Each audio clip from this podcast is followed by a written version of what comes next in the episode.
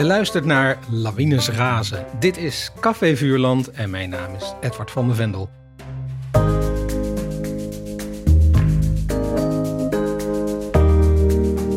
In deze podcast herlees ik klassieke kinderboeken met auteurs van nu.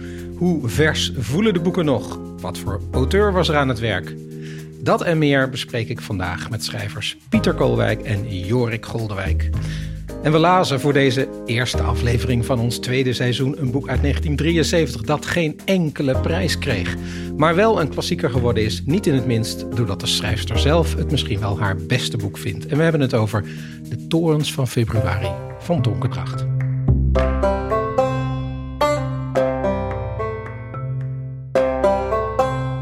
Pieter en Jorik, welkom.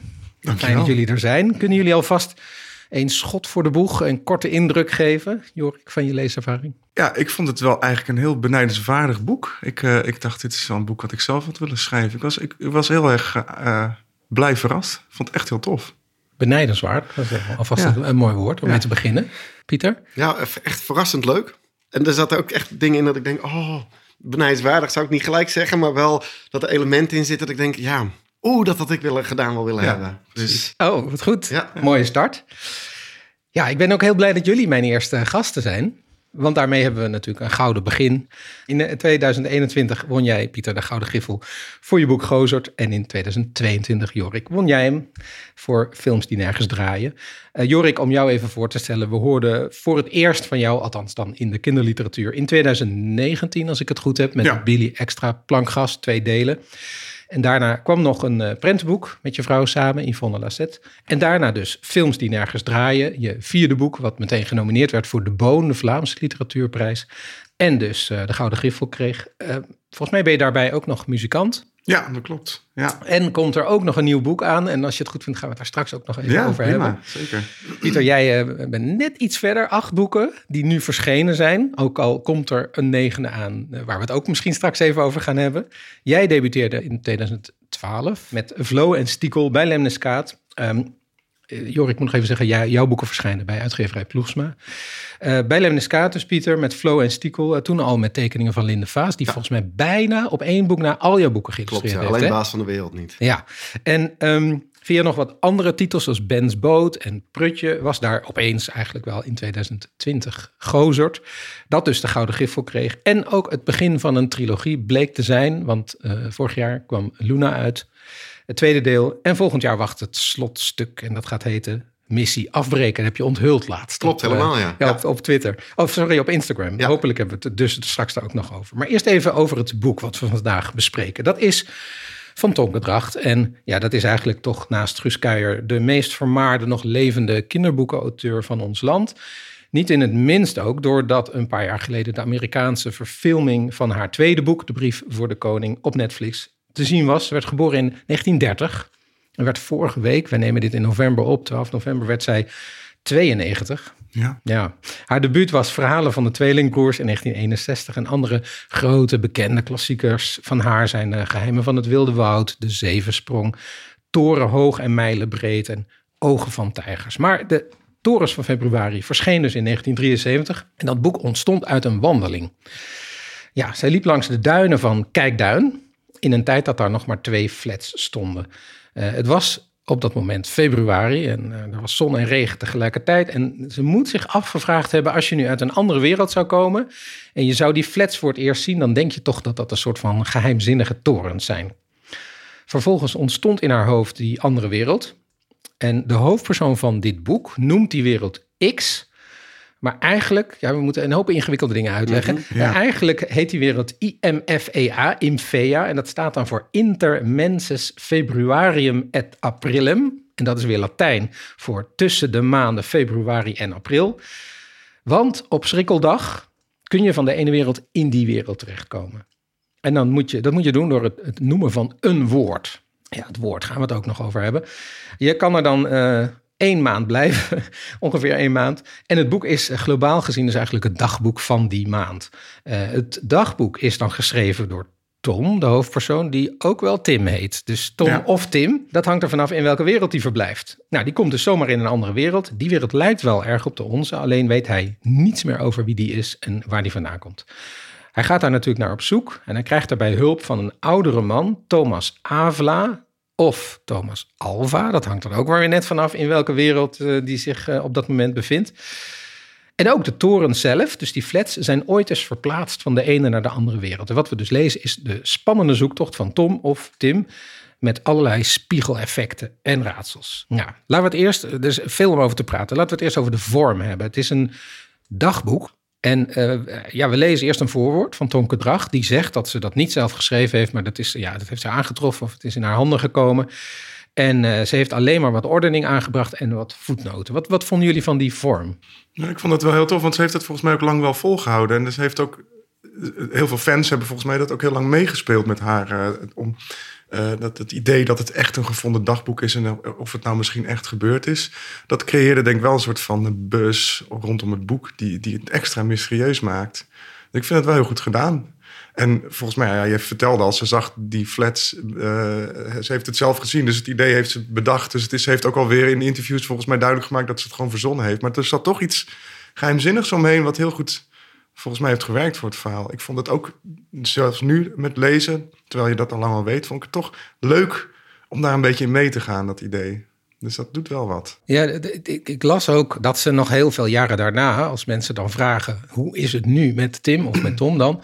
Uh, dat ze dan ook nog wel eens zegt: nee, hij is uh, wel of niet teruggegaan. Ze, ze, heeft altijd inderdaad wat meegespeeld. Ja. Maar het levert ook een literaire vorm op, eigenlijk, waarin je dus uh, ja, via haar het verhaal van iemand anders hoort. Pieter, hoe, hoe vond jij dat? Ja, ik vond het ook heel goed werken. Ik moet zeggen, aan het begin dacht ik: oh, dagboek, nou, we gaan meemaken. Ik zat er een beetje tegenaan te hikken. Maar juist omdat het op deze manier opgeschreven is, werkt het voor mij dus heel erg goed. Ik was aan het begin even zoekende. Later in het boek snap je ook waarom je aan het begin zoekende bent in het verhaal.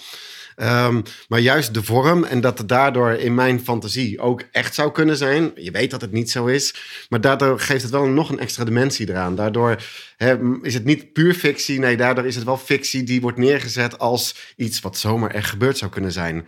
En daar hou ik van. Ja, ja. nou, maar zij doet het ook heel knap, hè? Want ze, ze, ja, ze is dan de bewerker, zeg maar, of degene die het geordend heeft. Maar in die voetnoten ja, die zijn zo opgeschreven dat je denkt, ja, dit, ja, dit heeft inderdaad ergens aangetroffen. Schrijft ze van, ja, dit stond eigenlijk op een briefje, maar dat heb ik maar verplaatst. Want anders dan begrepen we de volgorde niet helemaal. Ja, krantenknipsels erbij. Ja, ja, maar ik begreep ook dat zij, uh, want, want uh, die, die Tom Afla of Alfa, die schrijft ook af en toe in het dagboek. En ik heb gelezen dat zij dus dat daadwerkelijk in spiegelschrift zelf ook heeft opgeschreven om zelf dus ook zo daarin uh, in op te kunnen gaan, denk ik. Dus dat, ik denk dat het, omdat zij op zo'n manier dat benaderd heeft, dat het dus daarom ook zo goed werkt. Dat ze dus inderdaad met al die voetnoten, alsof ze er zelf in geloofde, zeg maar, is het, is het uh, neergezet. Ja. Super overtuigend dus gedaan. Zeker. Jij zegt spiegelschrift, dat moeten we misschien nog even verklaren. Ja, want, ja. ja de wereld waar, waar Tom in terecht komt en waar ook die Thomas Avla uh, bestaat, die, als je daar dan in komt, dan is alles in spiegelschrift. Dus uh, Tom heeft een dagboek al bij zich als hij de overstap maakt. En daar heeft hij al wat dingen ingeschreven. Dat heeft hij dus blijkbaar in de vorige wereld, de gewone wereld gedaan. Maar ja, dan ziet hij dat in de nieuwe wereld. Hij is alles vergeten en dan staat daar tekst in spiegelschrift. En eerst kan dit niet goed lezen. Ja, want hij weet niet dat het spiegelschrift is nee. eigenlijk. Alleen een aantal, zoals dat uh, Amoixa, axioma, dat is dus iets wat gespiegeld gewoon ook letters blijft. Dus dat ziet hij. Maar voor de rest is het een soort van geheimschrift. Ja, het is een paar woorden. En vooral ja. het woord amoixa valt ja. op. En pas later begrijpt hij dat het axioma is. Ja. ja, dat is een stelling die je aanneemt om iets uh, wetenschappelijks te gaan bewijzen. Ja. Ik weet niet of ik dat helemaal goed zeg, maar zoiets. Ja, een soort aanname inderdaad. Aanname, ja, ja. ja, ja. Maar misschien is het goed, uh, ik weet niet, uh, Pieter, of jij dat wil doen, om heel even, om, om voor de luisteraars de stijl te weten, om de allereerste regels even voor te lezen. Vind je dat oké? Okay? Ja hoor. Dus dat is helemaal het begin van het boek en dan weten we meteen de stijl. 30 februari. Januari, februari, maart, april, mei, juni, juli, augustus, september, oktober, november, december. Hij zei: schrijf het op. Alles, vanaf het begin af aan. Ik keek neer op het witte blad en beet op mijn schrijfding. Maak er een dagboek van, zei de oude man. Schrijf op wat je hebt beleefd, wat je denkt en hebt gedacht. Wat je hebt gedroomd en gefantaseerd.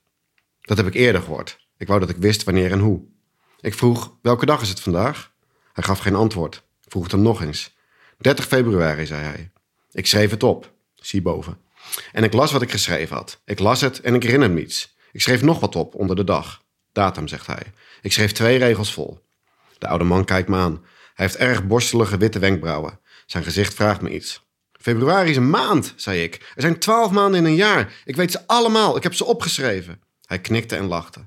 Prachtig, zei hij. Zie je nou wel, jongen, dat het helpt? Dat weet je weer. Nu kun je met het dagboek beginnen. Ja. Ja, hier hebben we dus meteen die, die twee personen. Dus eh, de jongen, die trouwens een jaar of veertien is volgens mij hè, in het Ja. boek. Eh, Tom of Tim. En, en de, de oudere man die al veel ervarener is in het reizen tussen die twee werelden. En hem een beetje wegwijs. Ja, een beetje, ook niet helemaal.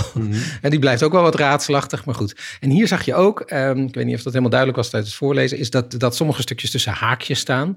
Dus die jongen is helemaal helemaal aan het uitzoeken hoe alles werkt. Jij zei net, Pieter, in het begin is het echt even zoeken. Want hoe, waar zit hem dat in? Nou, ehm, ja, dan spoiler ik misschien wel wat. Ja, daar, kan, ik denk, ja, daar heb Ja, ik over oké. nagedacht. Volgens mij kunnen we niet Nee, Het anders. is al, er is al Nee, zoveel gespoilerd. inderdaad. Ja. Ja. Weet je, op het moment dat hij in deze wereld terechtkomt, dan schrijft hij veel later in het boek pas dat hij voor zijn gevoel even in twee werelden staat. En, ehm, en dan kijkt hij om zich heen en hij ziet wel een schip, maar toch geen schip. En hij ziet dit. Er lopen echt gewoon letterlijk zaken door elkaar heen. En natuurlijk ben je altijd even zoeken aan het begin van een boek van hey, wie ben ik, waar ben ik, wat voor verhaal is dit? Maar in dit geval gebeurt er gewoon meer nog, weet je. Ehm, hij ziet dingen, die ziet hij weer wel, die ziet hij weer niet. En daardoor loopt van alles door elkaar dat ik echt denk, wat, wat gebeurt hier? Waar zijn we? met- daardoor was ik heel hard aan het zoeken. En later snap je, oh, maar op dat moment is eigenlijk net die overgang gaande. Dat is een bladzijde hierna of zo. Nou snap ik ineens wat er gebeurt. En hij heeft later ook dingen aangevuld. En waar hè, Tonke zegt van, nou ja, dat heb ik dan netjes eh, verwerkt en zo. En daar, daardoor krijgt het begin een soort warrig geheel. Wat eigenlijk, ja, heel goed werkt. Het is even zoeken, maar daardoor maakt het begin ook zo sterk. Want daardoor, als je verder komt, snap je ineens, ah ja, het is wel logisch dat het zoeken was. En ah ja, weet je. Ja, dat- het is heel tof als je het dan weer terugleest. Precies. Het is echt zo'n boek wat je nog een keer gaat lezen als je het eh, al hebt gelezen. En dan krijg je al die kleine dingetjes, dat ze- dat zijn schoenen verkeerd om zitten. Ja. Bijvoorbeeld omdat het een spiegelbeeld is. En al die, die, die dingen inderdaad wat je zegt over dat schip is er wel of niet. Dat hij een soort van tussen die twee werelden half nog lijkt in te zitten of zo. Het is allemaal, er is allemaal gewoon, ge- het lijkt heel warrig, maar het is allemaal heel precies uitgedacht. En dat zie je bij, of lees je bij de tweede keer dan eh, goed. Dat maakt het dan eh, gewoon heel sterk. En het is knap dat dat warrig kan blijven, zeg maar, voor de eerste lezing. Maar dat er wel genoeg spanning in zit. Ja. Dat je ook bij eerste lezing en, en, en in die verwarring toch door wil lezen. En niet denkt van, nou ja, dit is mij te abstract. Of, eh, Nou, maar dat vroeg me af, wat zorgt er nou in het begin voor dat je toch door wil lezen? Welke elementen zijn dat dan? Het was een podcast waar ik naartoe moest. Ja, een opdracht. Ja, nee, we moesten. Nee, het, is, het intrigeert ook ontzettend gewoon. En eh, kijk, ik zou het niet durven zelf als schrijver zo warrig aan het begin. Ik wil redelijk snel neerzetten, waar staan we en wat zijn we aan het doen. Maar omdat ik toch genoeg houvast kan vinden op dat strand, met wat hij aan het doen is.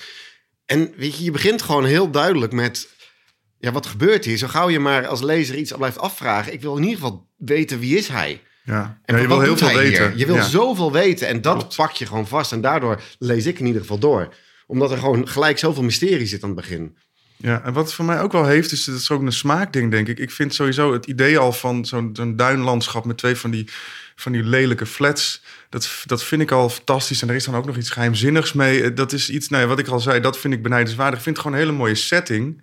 En daar wil ik gewoon, ik weet dat daar heel, iets, heel veel interessants is. Want ik wil daar gewoon meer over weten. Dus het pakte mij persoonlijk ook gelijk al. Dus dat speelt denk ik ook wel mee hoor, dan. Ja, ik had het ook. Ik kende het boek ook niet. Ik had het niet eerder gelezen, dus ik wist niet precies waar we heen gingen. Maar ik vond, dat is volgens mij al op bladzijde 2 of 3, dan gaat hij die torens, of die flats, dan beschrijven. Ja. Maar dat doet ze dan zo, dat je zelf als lezer denkt, oh, maar ja, dit zijn volgens mij gewoon flats. Dit zijn volgens mij geen torens. En je hebt natuurlijk dan ook al wel de omslagillustratie gezien waar dat op staat. Maar dat vond ik wel leuk. Dus ik ging eigenlijk al door zijn aarzelende beschrijving, ging ik meer weten. Ja, Dus dat, dat vond ik een hele goede truc eigenlijk. Die ze, Ja, ik weet niet of ze het als truc bedoeld heeft. Ja. En er zitten twee elementen in, die zijn toch ook al heel bijzonder. Eh, net toen jij het voorlas, Pieter, was het eerste wat je voorlas de datum, 30 februari. Nou, dan weet je al, huh, dit, hier is iets raars. En ja, dat vind ik echt geweldig. Er is één woord wat hij consequent verkeerd zegt. Hij zegt niet ik schrok, maar ik schrikte. ja.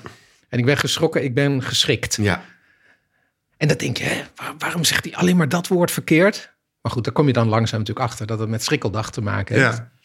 Ja, ik heb zelfs nog toen gedacht van, hè, is er dan ooit een alternatieve spelling mogelijk geweest of zo? Maar dat, dat, dacht ik dus ook. ik heb gewoon zelf gegoogeld op schrikken, geschrikt. Ik denk, nee, niet. Dat is, Hè? Ik denk, het is oud taalgebruik of zo. ja, precies. We zijn gewoon een beetje, een beetje achterlijk waarschijnlijk geweest. Dan.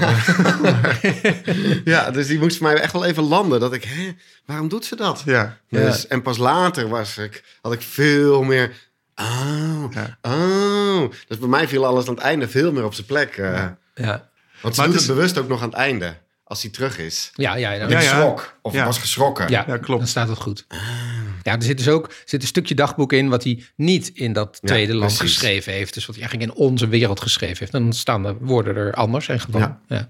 Maar het is, ook, het is echt wel heel, het- zeker ook in het begin, het is iets heel ambitieus. Het is best wel lastig, want hij, hij weet heel veel dingen niet. En hij, komt, nou, hij heeft het over een schrijfding bijvoorbeeld, dat is dan zijn pen. En, maar hij kent dan wel de zee of zo. Het is heel lastig, denk ik, voor haar geweest om als schrijver te bepalen van welke woorden hij wel vertrouwd mee is. Want hij herinnert zich natuurlijk eigenlijk niks meer. En dat komt dan zo langzaam maar zeker terug. Hè, wat jij zei, hij beschrijft die flats.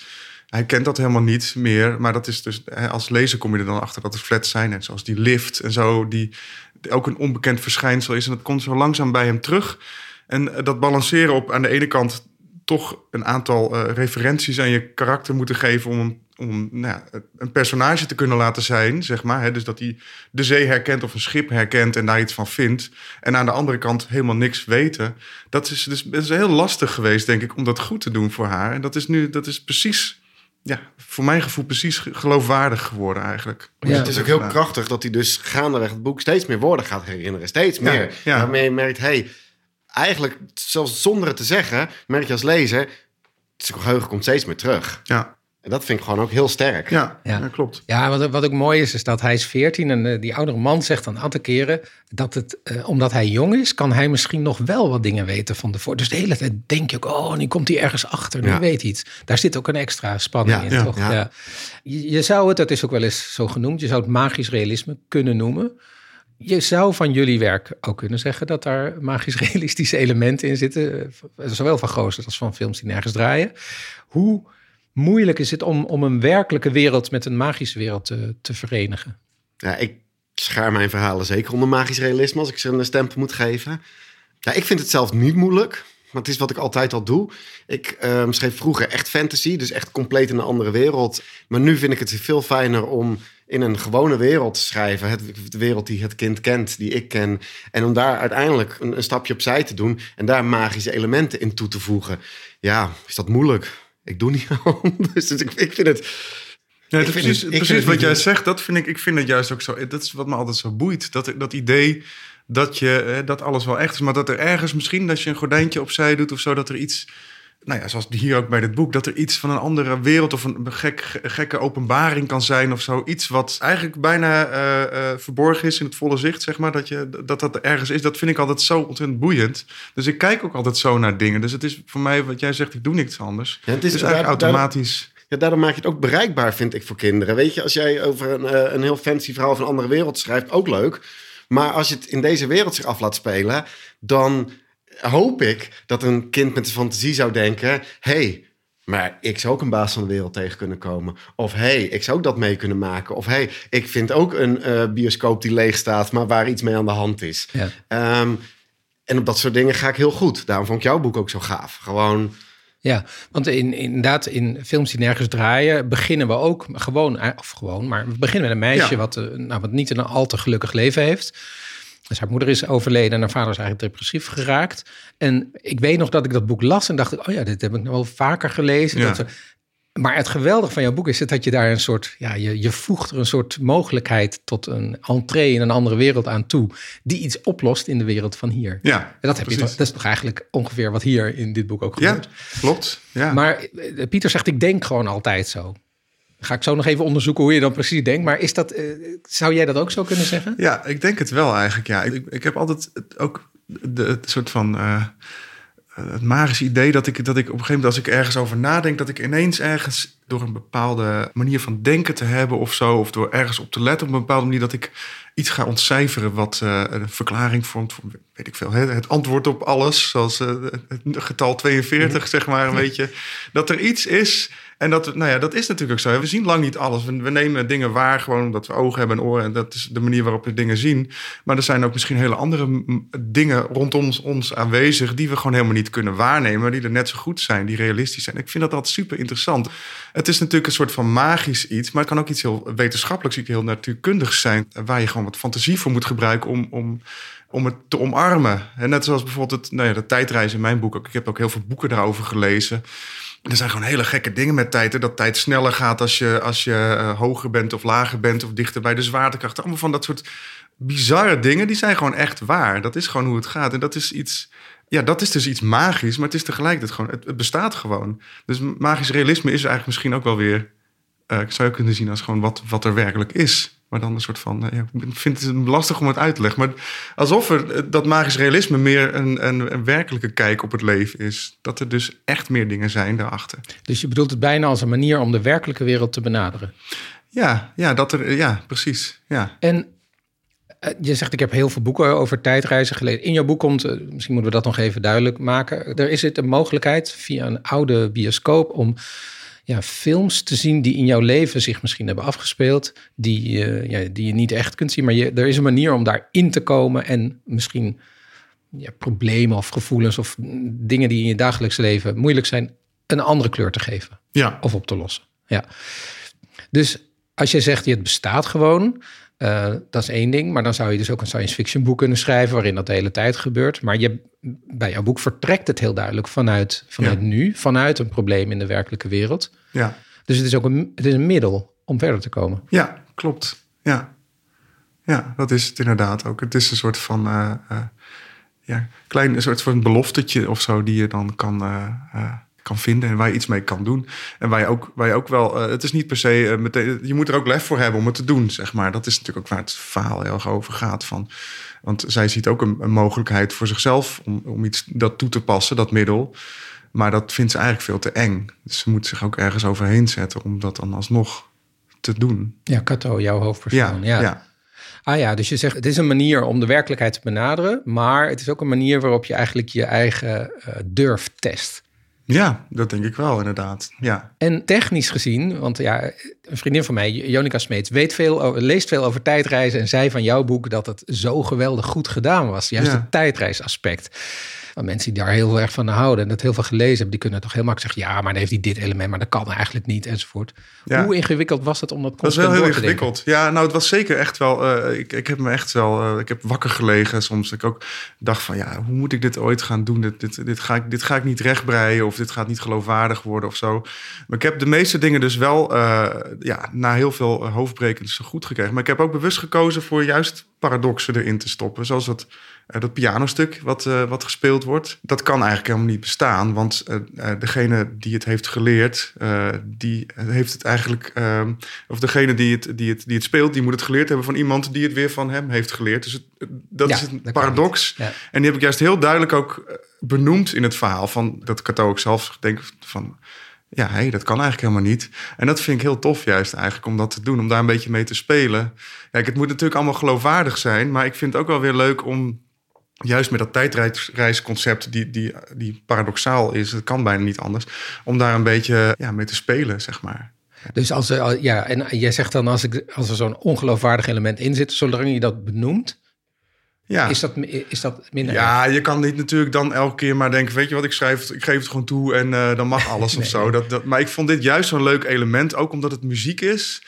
En eh, daar kan je ook weer bij denken van... eh, hè, net zoals op het laatst... ehm, eh, ja, ik weet niet of ik daar te veel over moet zeggen... maar een vrouwelijk personage die heeft ineens door van... hé, hey, ik, ik ken haar. Eh, nou ja, dit is een soort van iets wat ze niet kan weten eigenlijk... maar wat een gevoelsding is. En dat vind ik bij muziek ook. Ik kan dan ook wel bedenken dat, dat muziek misschien iets is... wat ergens al bestaat... en wat ook in een andere tijd misschien al bestaat... en wat gewoon aanwezig is en, en tot je komt, zeg maar. Dus ik kan het wel op die manier geloofwaardig vinden... dat dat dan dus toch in, in twee verschillende hoofden tegelijkertijd kan ontstaan of zo. Ook omdat ze familie zijn of zo. De- Ja. eh, voor mij werkt dat wel eigenlijk. En eh, als, als, als er nou mensen zeggen, ja, maar je kan het ook al, dat, dat hele tijdreizen in je boek kan je ook als een metafoor zien. Je, Ja. kan ook, je kan ook bedenken, dit is een fantasievolle manier van opschrijven hoe je beter kunt nadenken over je eigen leven. En Ja. hoe je bijvoorbeeld het stand van een ander kunt indenken. En dan, als mensen het zo lezen, vind je dan dat ze het doodslaan? Of vind je dat... Nee, helemaal niet. Nee, nee want dat is, echt ook, dat is ook wel echt waar ik, een belangrijk thema is voor mij. Dat dingen voorbij gaan. En je kunt dat aan je voorbij laten gaan of je kunt er iets mee doen, zeg maar. En sommige eh, personages in het boek hebben dat niet gedaan. En zij wil dat herstellen. En dat is eigenlijk natuurlijk ook waar het om gaat. Dan is de tijdreis is ook, ook gewoon een soort van gereedschap eh, om, om dat te vertellen. En als je dat hele aspect los wil laten, dan, en het gaat daarom, dat is ook een belangrijk kernpunt. Dus als mensen het op die manier lezen, vind ik dat eigenlijk ook nog steeds wel raken aan de kern van het verhaal. Ja. Ja. Pieter, in jouw boek Gozert eh, is de hoofdpersoon Ties. En die heeft een onzichtbare persoon bij zich, hè? Gozert is dat. En die, eh, ja, die zet hem aan tot allerlei daden. Nou, dat is een beetje de premisse van het verhaal. En een hele, ik, ik heb eh, verschillende interviews met jou gezien. En dan gaat het natuurlijk over, ja, wat is dat nou voor iemand? En dan eh, zegt soms iemand, het is een imaginair vriendje. Dan kom je meteen in het geweer. Je zegt, nee, hij is onzichtbaar. Dus wa- waarom is dat bijvoorbeeld zo belangrijk? Omdat het gaat over uh, Ties' perceptie in dit verhaal. En voor Ties is het zo belangrijk dat hij onzichtbaar is. Ik vraag het ook altijd op scholen. Wat is het verschil tussen onzichtbaar hè, en verzonnen? Uh, ik zeg, als hij verzonnen is, dan zit hij in zijn hoofd. En dan heeft Ties hem bedacht. En dan is hij dus blijkbaar een beetje gek. Want hij heeft hem bedacht. En Ties vindt zichzelf niet gek. Nee, voor Ties is hij echt. Voor Ties bestaat hij echt. Dus als hij zegt hij is onzichtbaar... Ja, en ik ben met Ties mee, weet je. Ik was Ja, aan. Ties' kant. Dus Ja. ja. dan is hij onzichtbaar. Dus, en dat is ook wel iets wat steeds terugkomt in het boek. Is hij verzonnen? Hè? Of is hij denkbeeldig of onzichtbaar? Denkbeeldig of onzichtbaar? En voor hij blijft erop hameren onzichtbaar. Dus als dan mensen laten zeggen, ja, hij is denkbeeldig. Nee, onzichtbaar. Ja. En kijk, een gouden griffel schrijven betekent heel veel meer kinderpubliek, maar ook, ook meer volwassen publiek. Ehm, ik kan me voorstellen dat veel volwassenen dan eh, op zoek gaan naar de psychologie achter jouw boek. En misschien ook gaan bedenken, net waar we het net bij Joris boek over hadden, het is eigenlijk een metafoor voor iets anders. Nou ja, er is zelfs één hele goede vriend van mij. Die ziet hem ook nog steeds als metafoor. Terwijl hij, in principe heb ik niet zo geschreven. Maar voor mij mag dat wel. Ehm, als dat is wat je eruit haalt en als dat is hoe jij het wil zien. Ja, prima. Dan, dan heb ik daar geen problemen mee. Ik denk wel dat je misschien teleurgesteld gaat zijn over het boek wat nog uit gaat komen. Dat kan. Maar ja, dat merk ik wel. Ik merk wel, ik schrijf iets en ehm, dat is wat ik gemaakt heb. En daar mag je mee doen wat je wil. En als je aan mij vraagt, wat is jouw bedoeling en hoe zie jij dat, dan zal ik je dat vertellen. Maar als iemand anders daar wat anders uithaalt of wat, wat anders mee, dat, dan mag dat ook. Ik bedoel, hè, er stond ook in een van de recensies van ja, aan het einde, ja, ik snap dat hij het op moest lossen, het probleem. Ik ben het niet helemaal mee eens hoe hij dat doet. En dan denk ik, nee, het is helemaal niet dat ik het einde schreef om problemen te lossen. Ik schreef het boek vanwege dat einde. Dat Ja. was mijn hele insteek, dat einde. Daarom ging ik dat verhaal schrijven. Maar goed, als iemand dat dan vindt, ja, dan mag dat. En ik vind juist de meningen die er dan zijn over mijn boeken heel interessant. Want het zegt zoveel over die persoon die die mening heeft. Ja, Hoe die naar weer de wereld kijkt, hoe die naar verhalen kijkt, hoe die naar alles om ons heen kijkt. Dat vind ik juist heel interessant. ja. Ja, maar ik hoor nu eh, wat jij zegt. En je zegt, ik ben met Ties mee. Dus jij, jij bent volkomen solidair met het eh, personage uit je boek. En alle bedoelingen en zo, dat is leuk, maar dat is van andere mensen. Ja, dat mag prima. Mag, weet ja, je, je wel. staat dat er is, toe. Tuurlijk. En ik heb er ook wel bedoelingen in zitten, hè, natuurlijk. Ehm, en dan moet ik weer mega gaan spoileren. Maar mijn bedoeling is vooral is dat we iemand tegenwoordig zo snel wegzetten. Hè, want we hebben, dit is onze wereld. Dit is alle hokjes waarbinnen we mogen kleuren.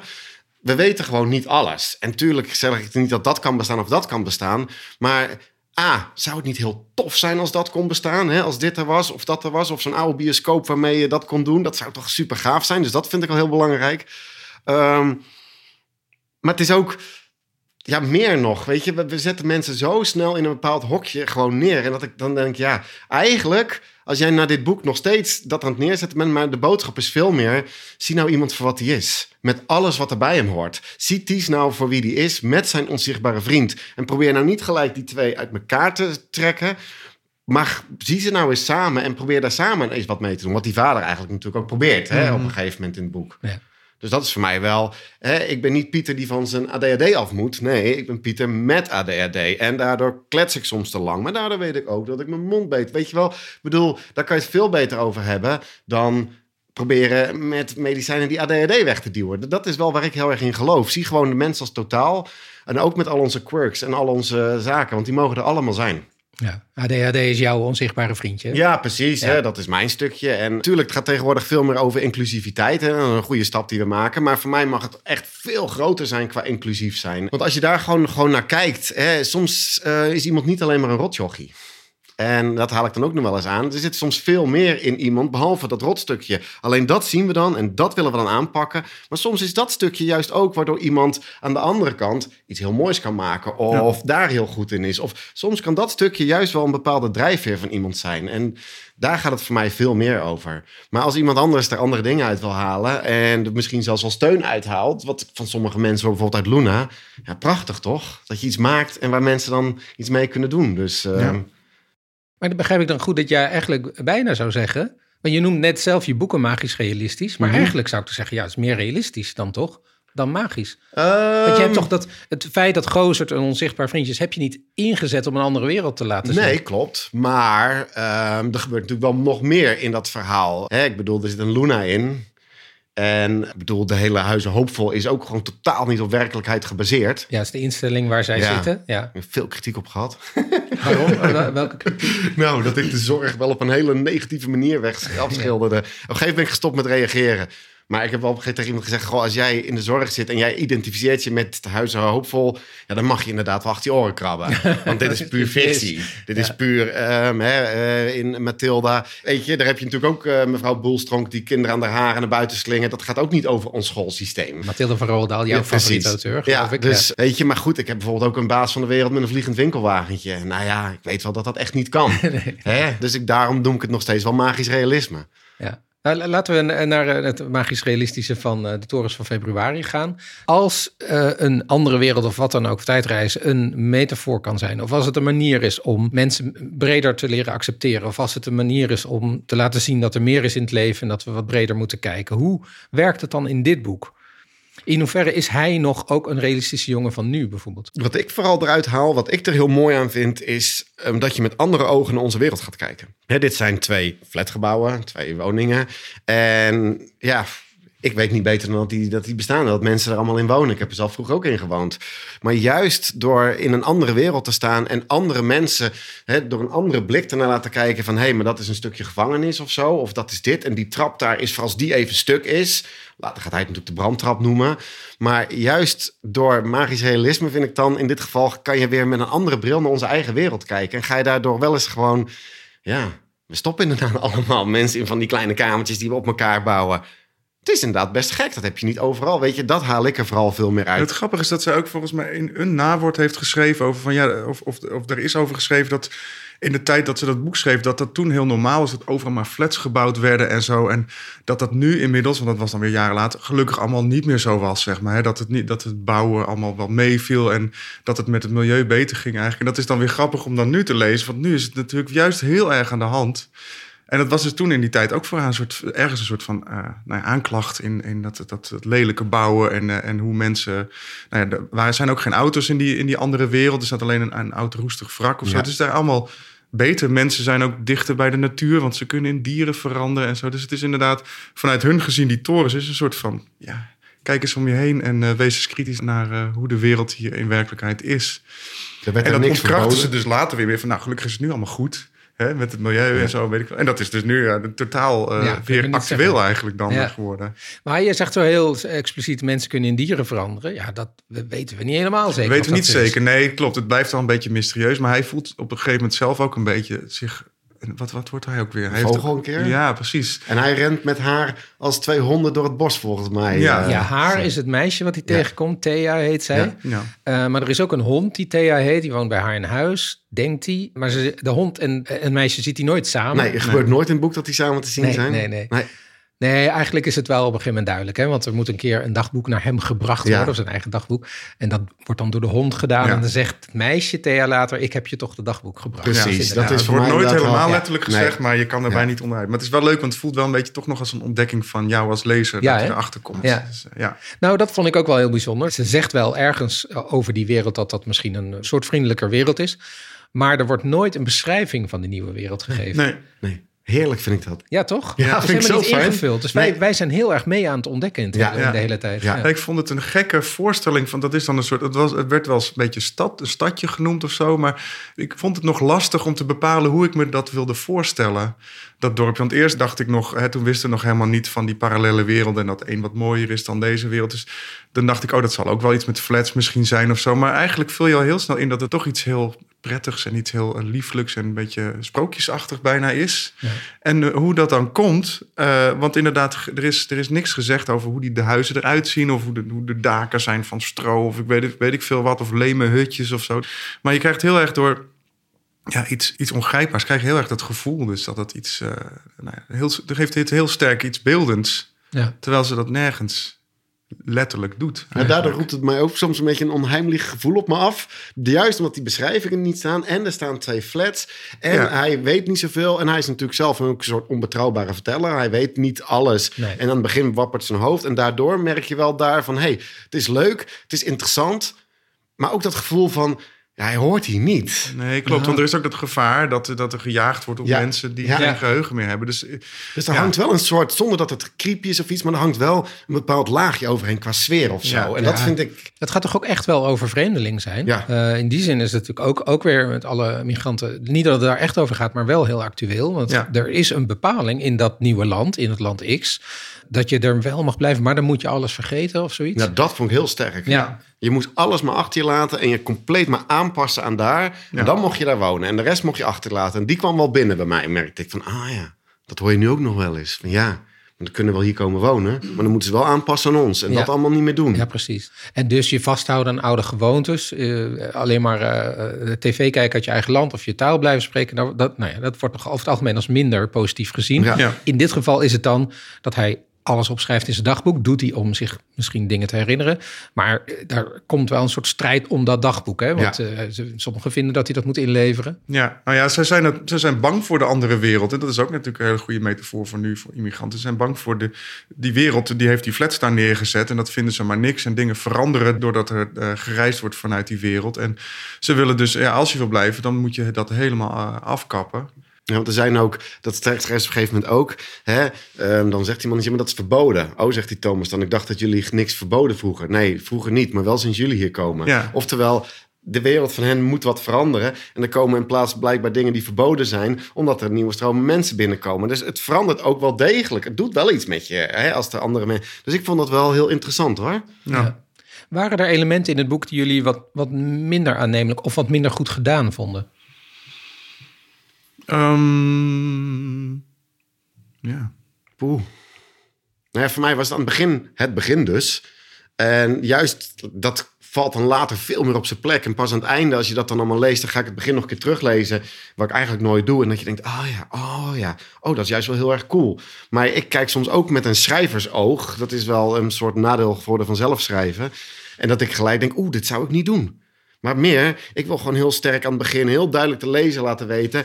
dit is wat we aan het doen zijn, dat is waar we zijn. Weet je, even landen en dan kan het verhaal lekker op gang. Heeft misschien Ja. ook met de leeftijd te maken. Dit is duidelijk een boek voor 13 Ja. jaar en ouder. En jij schrijft over het algemeen voor net iets jonger. Ja, klopt. Misschien dat dat ook... Ja. ja, er wordt wel wat van je verwacht. Het is in die zin moet je wel, je moet even, nou ja, het is vrij abstract. Ja. Eh, in ieder geval zeker in het begin. Het blijft het ook wel een beetje. Dus je moet wel eh, er je best voor doen, zeg maar. Maar ja, dat vind ik dan niet een eh, nadeel of zo. Ik vind het eigenlijk juist wel tof dat ze dat durft, zeg maar, op die manier te doen. Ja. En dat ze, dat ze ook eh, de lezer eh, zo inschat van ja, dit, dit, dit kunnen lezers gewoon hebben. Je vertrouw erop dat, eh, dat ze slim genoeg zijn. en ja.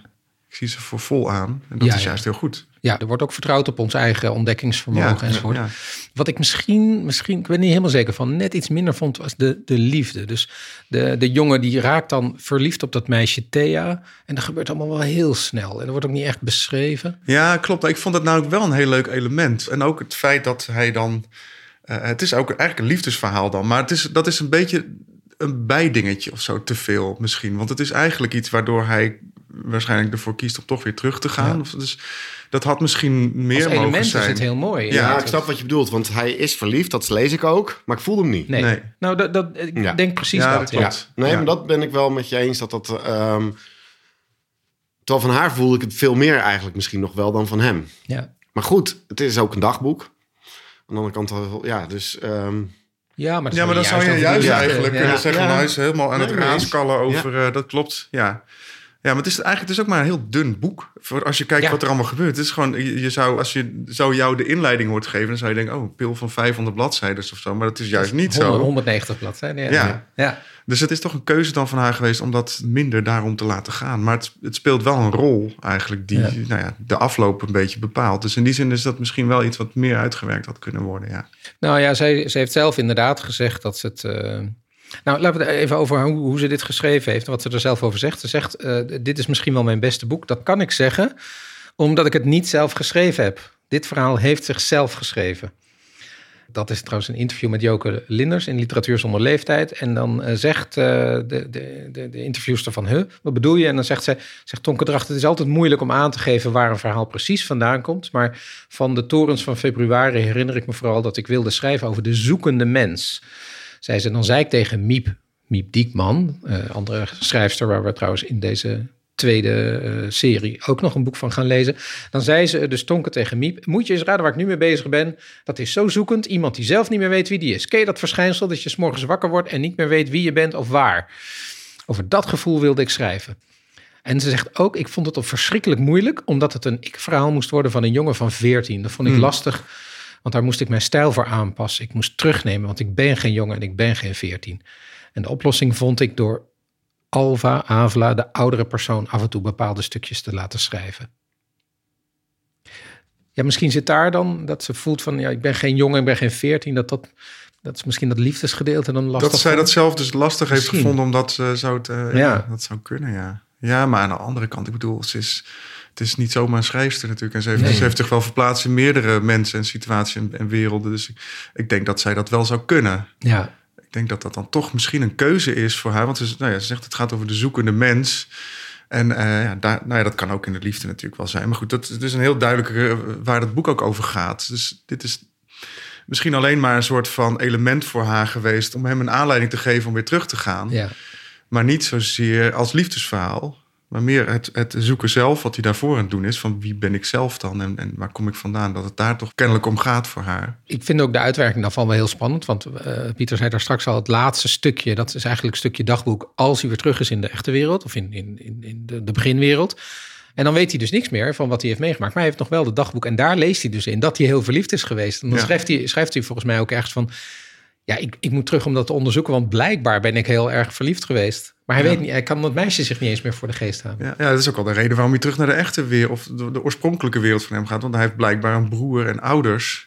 Hij was dan niet gelukkig misschien, maar hij is ook te nieuwsgierig eh, om. eh, het is een soort van verschrikkelijke eh, kwestie natuurlijk waar je in zit. Want je wil graag weten waar je vandaan komt. Maar zodra je daar bent, weet je niet meer waar je, waar je op dat moment was. Vanaf het moment dat jij dit doet en gaat reizen, ben je voortaan altijd de rest van je leven incompleet. Ja, Want precies. je ja. hebt de rest niet meer. En als je teruggaat, mis je een maand. En als je dan daar weer naartoe gaat, dan heb je die maand Ja. weer terug. Maar de rest Je niet. bent iemand hier en je bent iemand Ja. daar, maar je bent ze nooit allebei Precies. tegelijk. En je bent inderdaad altijd incompleet.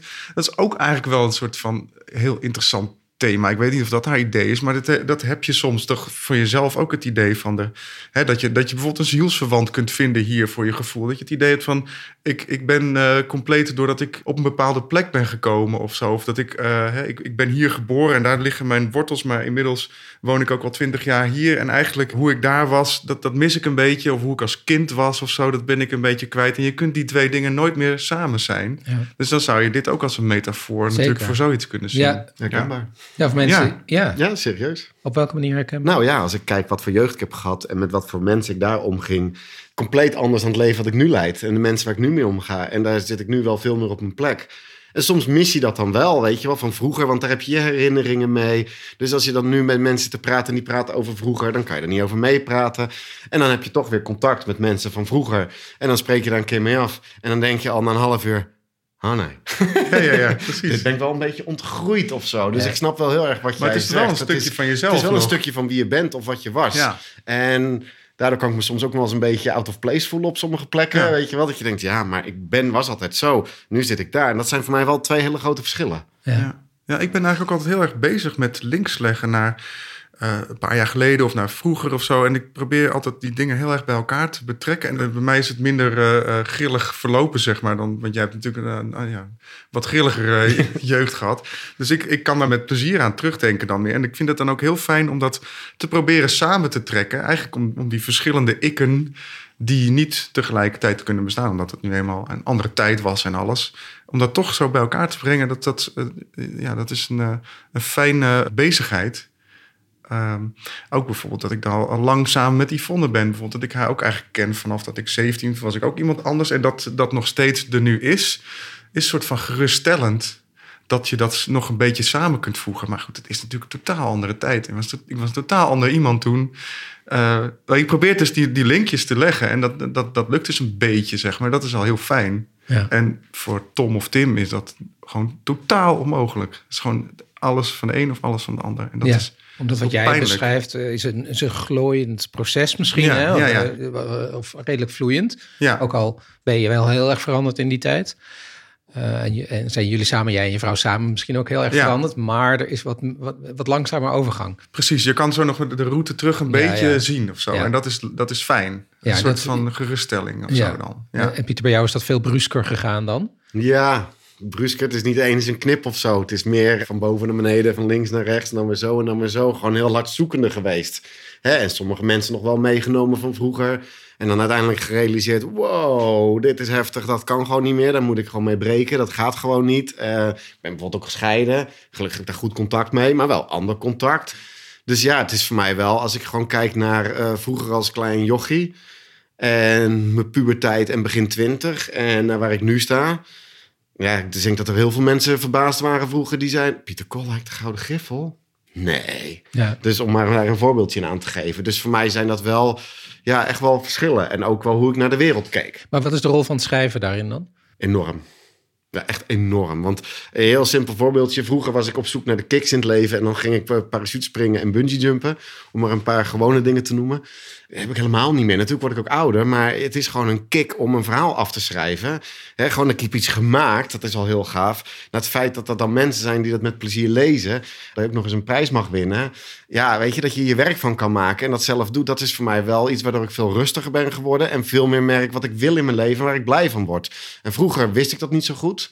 Weet je, vroeger had ik mijn omgeving en daar ging ik mee. En nu ben ik wie ik ben en kijk ik veel meer naar... oh, maar dat vind ik wel... oh, dat is wel een leuke gast, daar kan ik wel vaker mee omgaan. Of, oh, hij wil niet, jammer dan, weet je. Nee, maar ik bedoel, het is, je vormt veel meer het om je heen of zo nu. Terwijl als je jong bent, dan zit je gewoon...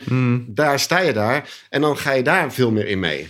Dus ja, ongeschoold, werk doen. eh, nou, dan heb je andere mensen om je heen dan nu, waarin je boeken schrijft en op zondag aan een podcast zit te praten met andere mensen die schrijven. Weet Ja. je wel? Dus dat is voor mij wel heel anders. Maar zo, eh, zoals in het boek, eh, de manier om van de ene wereld naar de andere wereld te gaan een woord is, kan je dat bijna bij jou ook zeggen. Het woord is, als jij zegt dat schrijven heeft zoveel betekend, heeft zoveel Klopt. veranderd. Maar er is dus ergens een moment geweest dat je be- bent gaan bedenken, ik ga woorden gebruiken, ik ga schrijven. Ja, maar het is een grote invloed is ook Nora geweest, mijn dochter. Daar verander je ook gewoon door als je vader wordt. Ja, en op een gegeven moment ontdekte ik dat ik daar gewoon handig in was. Dat ik feedback kreeg van mensen zeiden... Goh, maar die mailtjes van jou, man, die had zo sterk geschreven. En hey, dat. En dat ik gewoon altijd maar zo'n dromerig fantasiehoofd had. Dus toen werd, ging ik dat opschrijven. En daar merkte ik... En dat was aan het begin ook nog een gevecht. En dat lukte me eigenlijk ook niet. Hè? In mijn drukke leven, waar ik van hot naar her vloog. En eh, dan weer dit wilde doen. Pas toen ik verhuisd ben naar Emmen... Toen had ik die rust. Want ja, ik had voor de rest niet zoveel om me heen. En toen ben ik daar eigenlijk ingedoken. Maar ook weer ten koste van alles, zeg maar. De rest kon me niet meer schelen. Dit was het ineens. En nu is er veel meer balans. Merk ik, hey, ik doe dit, ik doe dat. Maar ja, als dan een woord er moet zijn... mag ik er dan twee noemen? Nora en schrijven? Ja, mooi. Als we het even over het woord hebben. ja, het is te ontdekken. Ja, dat is dus een punt. Want er is dus één woord wat gezegd moet worden. En ehm, er wordt eigenlijk niet gezegd welk woord dat is. Het is misschien een lang woord. eh, maar er staat ook heel duidelijk in, je moet het kunnen vinden in het boek. Nou zijn heel veel fans al heel lang bezig geweest om dat woord te vinden. Er is zelfs een tijdje een, een Twitter-actie geweest waarin hashtag wat is het woord een klein beetje trending was. En dat werd natuurlijk alleen maar op schrikkeldag ge- getweet. Ja. Dat is duidelijk, hè? Ehm, maar wat is het woord? Zijn jullie erachter gekomen? Ik heb echt geen flauw idee. ik heb echt het idee dat dit gewoon een, een grap is of een, of een leuke manier van Tonke Dracht om nog wat geheimzinniger te maken. En ik dacht, ja, eh, ik heb ook geen idee waar ik moet zoeken. Dus ik ben er niet aan begonnen. Maar er zijn heel veel. Ik heb dus ook niet gekeken of wat voor suggesties er allemaal zijn. Heb jij een idee dan? Ik Wat- weet wat het is. Ja? Maar ik kan het niet gaan zeggen Nee, natuurlijk. Dan verdwijn je Dan nu. verdwijn je. Ja, Ja, je kan het nu nee. veilig zeggen. Nee, nee, Ja. dat kan dat totaal niet, want dan gaat het alsnog de wereld in. En, eh, maar het is overduidelijk, als je het goed gelezen hebt, Oké. is het echt overduidelijk. Nee, gelukkig schudt hij ook heel erg hard nee. Geen idee, gewoon totaal woorden. niet. Ik heb er ook op gegoogeld daarna, toen ik me uit had. Ik denk, Ja. nou eens kijken. Want misschien... eh, en toen merkte ik inderdaad dus dat er eh, fansites waren en theorieën over. Maar ja, dat niemand het ooit zeker zal weten. Maar er zijn wat suggesties te vinden dus. Of, eh, of- Nee, ik heb ook eh, niet echt eh, duidelijke richtingen gevonden nee, hoor. Nee, ik ook en, niet. Wel dat het een ding was. Ja, Een ding. Ja, dat het een, een ding... Sorry, een Oh, ding is een ding van- ja. een bus. een Ja. Iets waarover Ja, ja, ja, gesproken ja, wordt. Iets dat mensen ermee bezig zijn. Ja. Zo'n ding. Ja, ja, ze heeft inderdaad die, die mythe flink levend gehouden. Want ze heeft ook wel eens gezegd, ja, als je het begin heel goed leest, dan kan je het weten. Nou ja, dat helpt niet echt. Ik heb Nee. dat ook weer gedaan, maar eh, nee. kan er niet uit. Ik, ver- ik vermoed ook dat het er, dat het er niet is. Ik vind het wel cool hoor, dat ze dat eh, doet. Het is gewoon een beetje de spotdrijf met iedereen. Ik vind het wel heel tof eigenlijk. Ja, ik moest ook wel lachen om het allerlaatste ja, brief, nawoord, wat is het stukje wat erin schreef? Dat, eh, omdat blijkbaar is het iedere schrikkeldag weer een ding. Is die terug of niet? Is dat blijkbaar een tijd zo geweest? Ja. En dat, dat ik las aan het einde, dat haalde ik er dan uit, dat ze op een gegeven moment zei van, nou, weet je, hij is hier inderdaad wel even weer geweest, maar hij is, ik weet dat hij weg is. Hij heeft geen contact met mij gehad, want hij kent mij niet. Hè? Hij, het boek is bij mij gekomen toen hij al weg was. Maar ik weet ook dat hij via via heb ik gehoord dat hij wel even terug geweest, maar nooit meer terugkomt. Oftewel, Ja, klaar nu. ja nou Ja. is het afgelopen Ja, jongens. nu ben ik er wel, eh, dat haalde ik er in ieder geval uit. Maar het feit dat dat zo rondom het boek blijft rondzingen, ja, dan heb je een goed boek geschreven, toch? Ja, Ja. maar ze heeft ook wel eens, als ze haar boeken ging signeren ergens...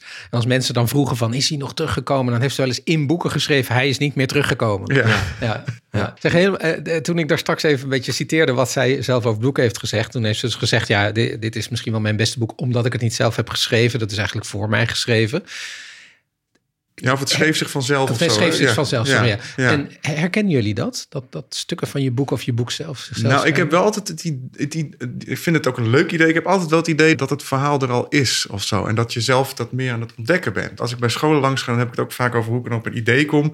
En dan vergelijk ik me altijd met een archeoloog die ergens een, eh, een botje vindt of zo. En die dat dan heel voorzichtig met een kwastje zo gaat wegpoetsen. En dan ontstaat er een heel dinosaurus-skelet.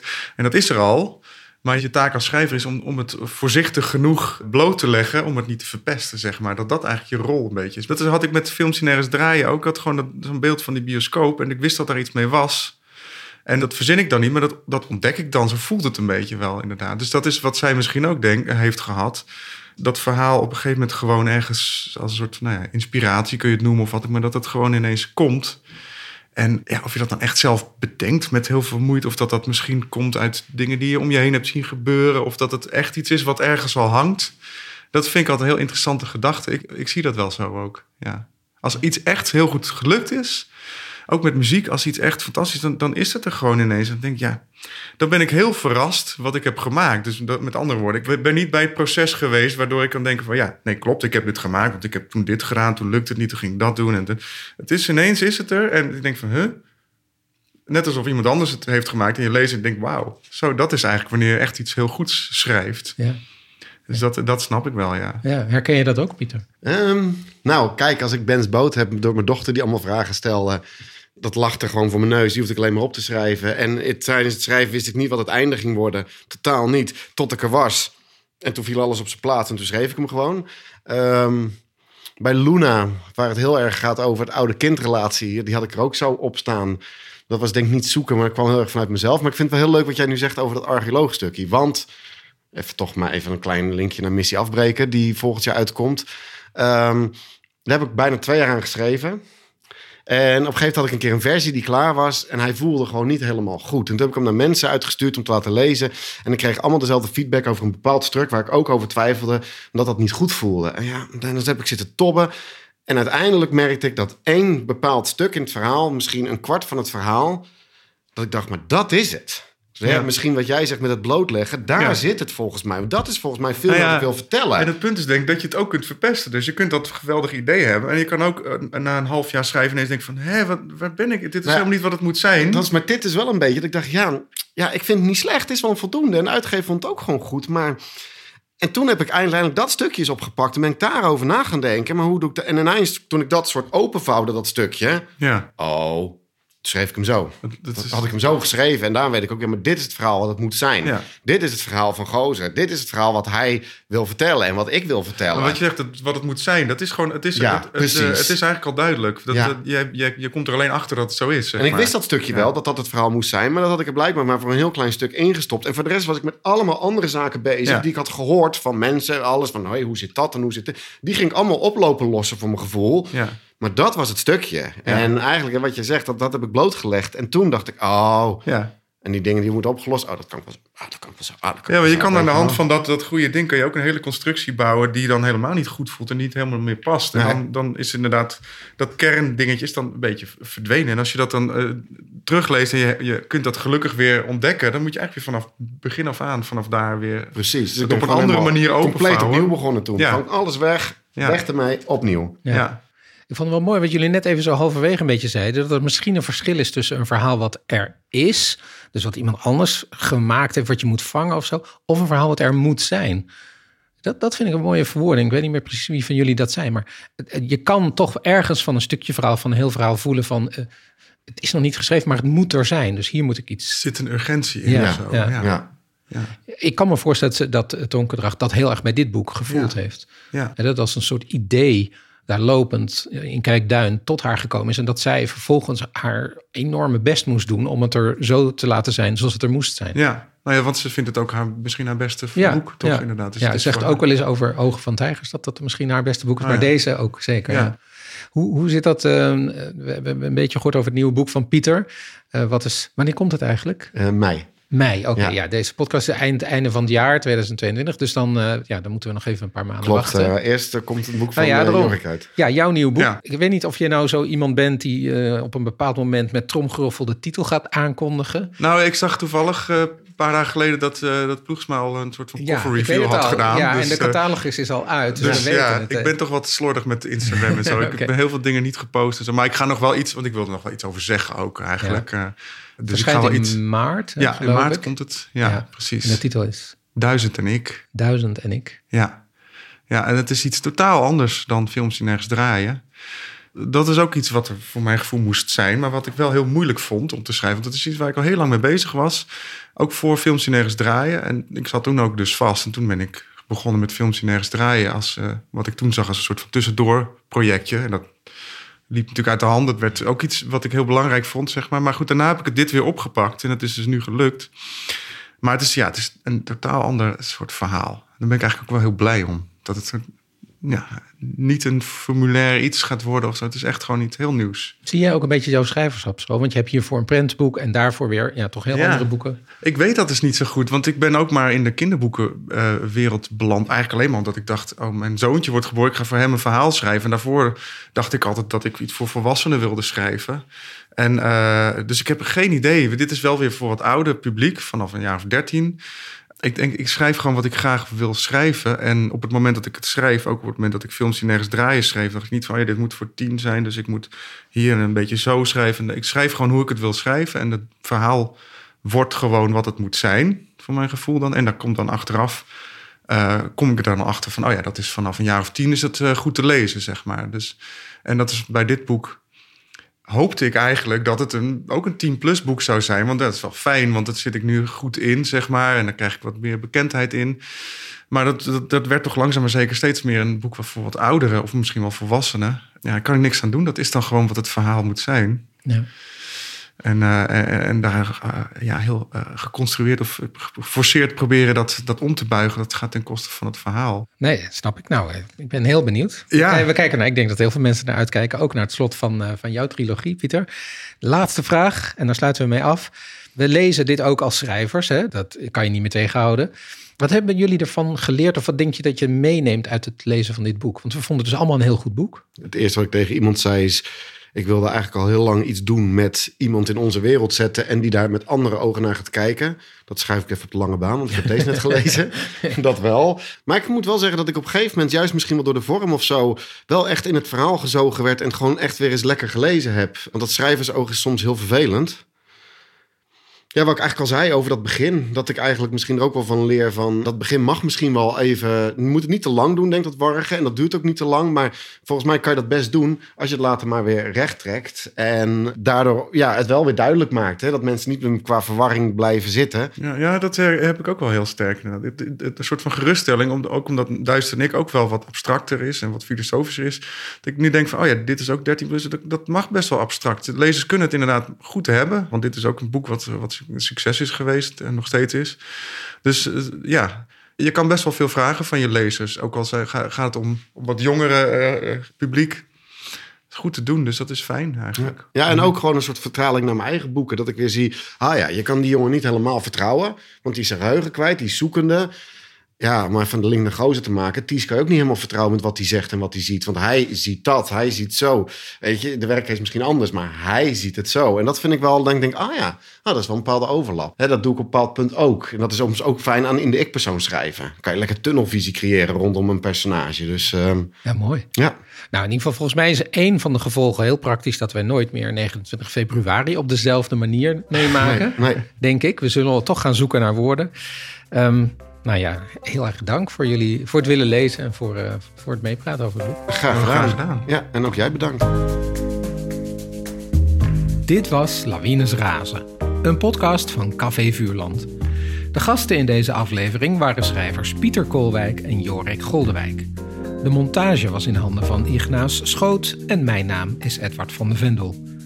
Je kunt alle informatie uit deze aflevering nalezen op www.vuurland.nu, dus .nu. Klik dan even door op Café Vuurland. Deze podcast werd mogelijk gemaakt door een subsidie van het Nederlands Letterenfonds in het kader van de campagne Van Maker tot Lezer. En we bedanken de erven Anne Rutgers van de Loef en uitgeverij Ploegsma voor het mogen gebruiken van de naam Lawines Razen.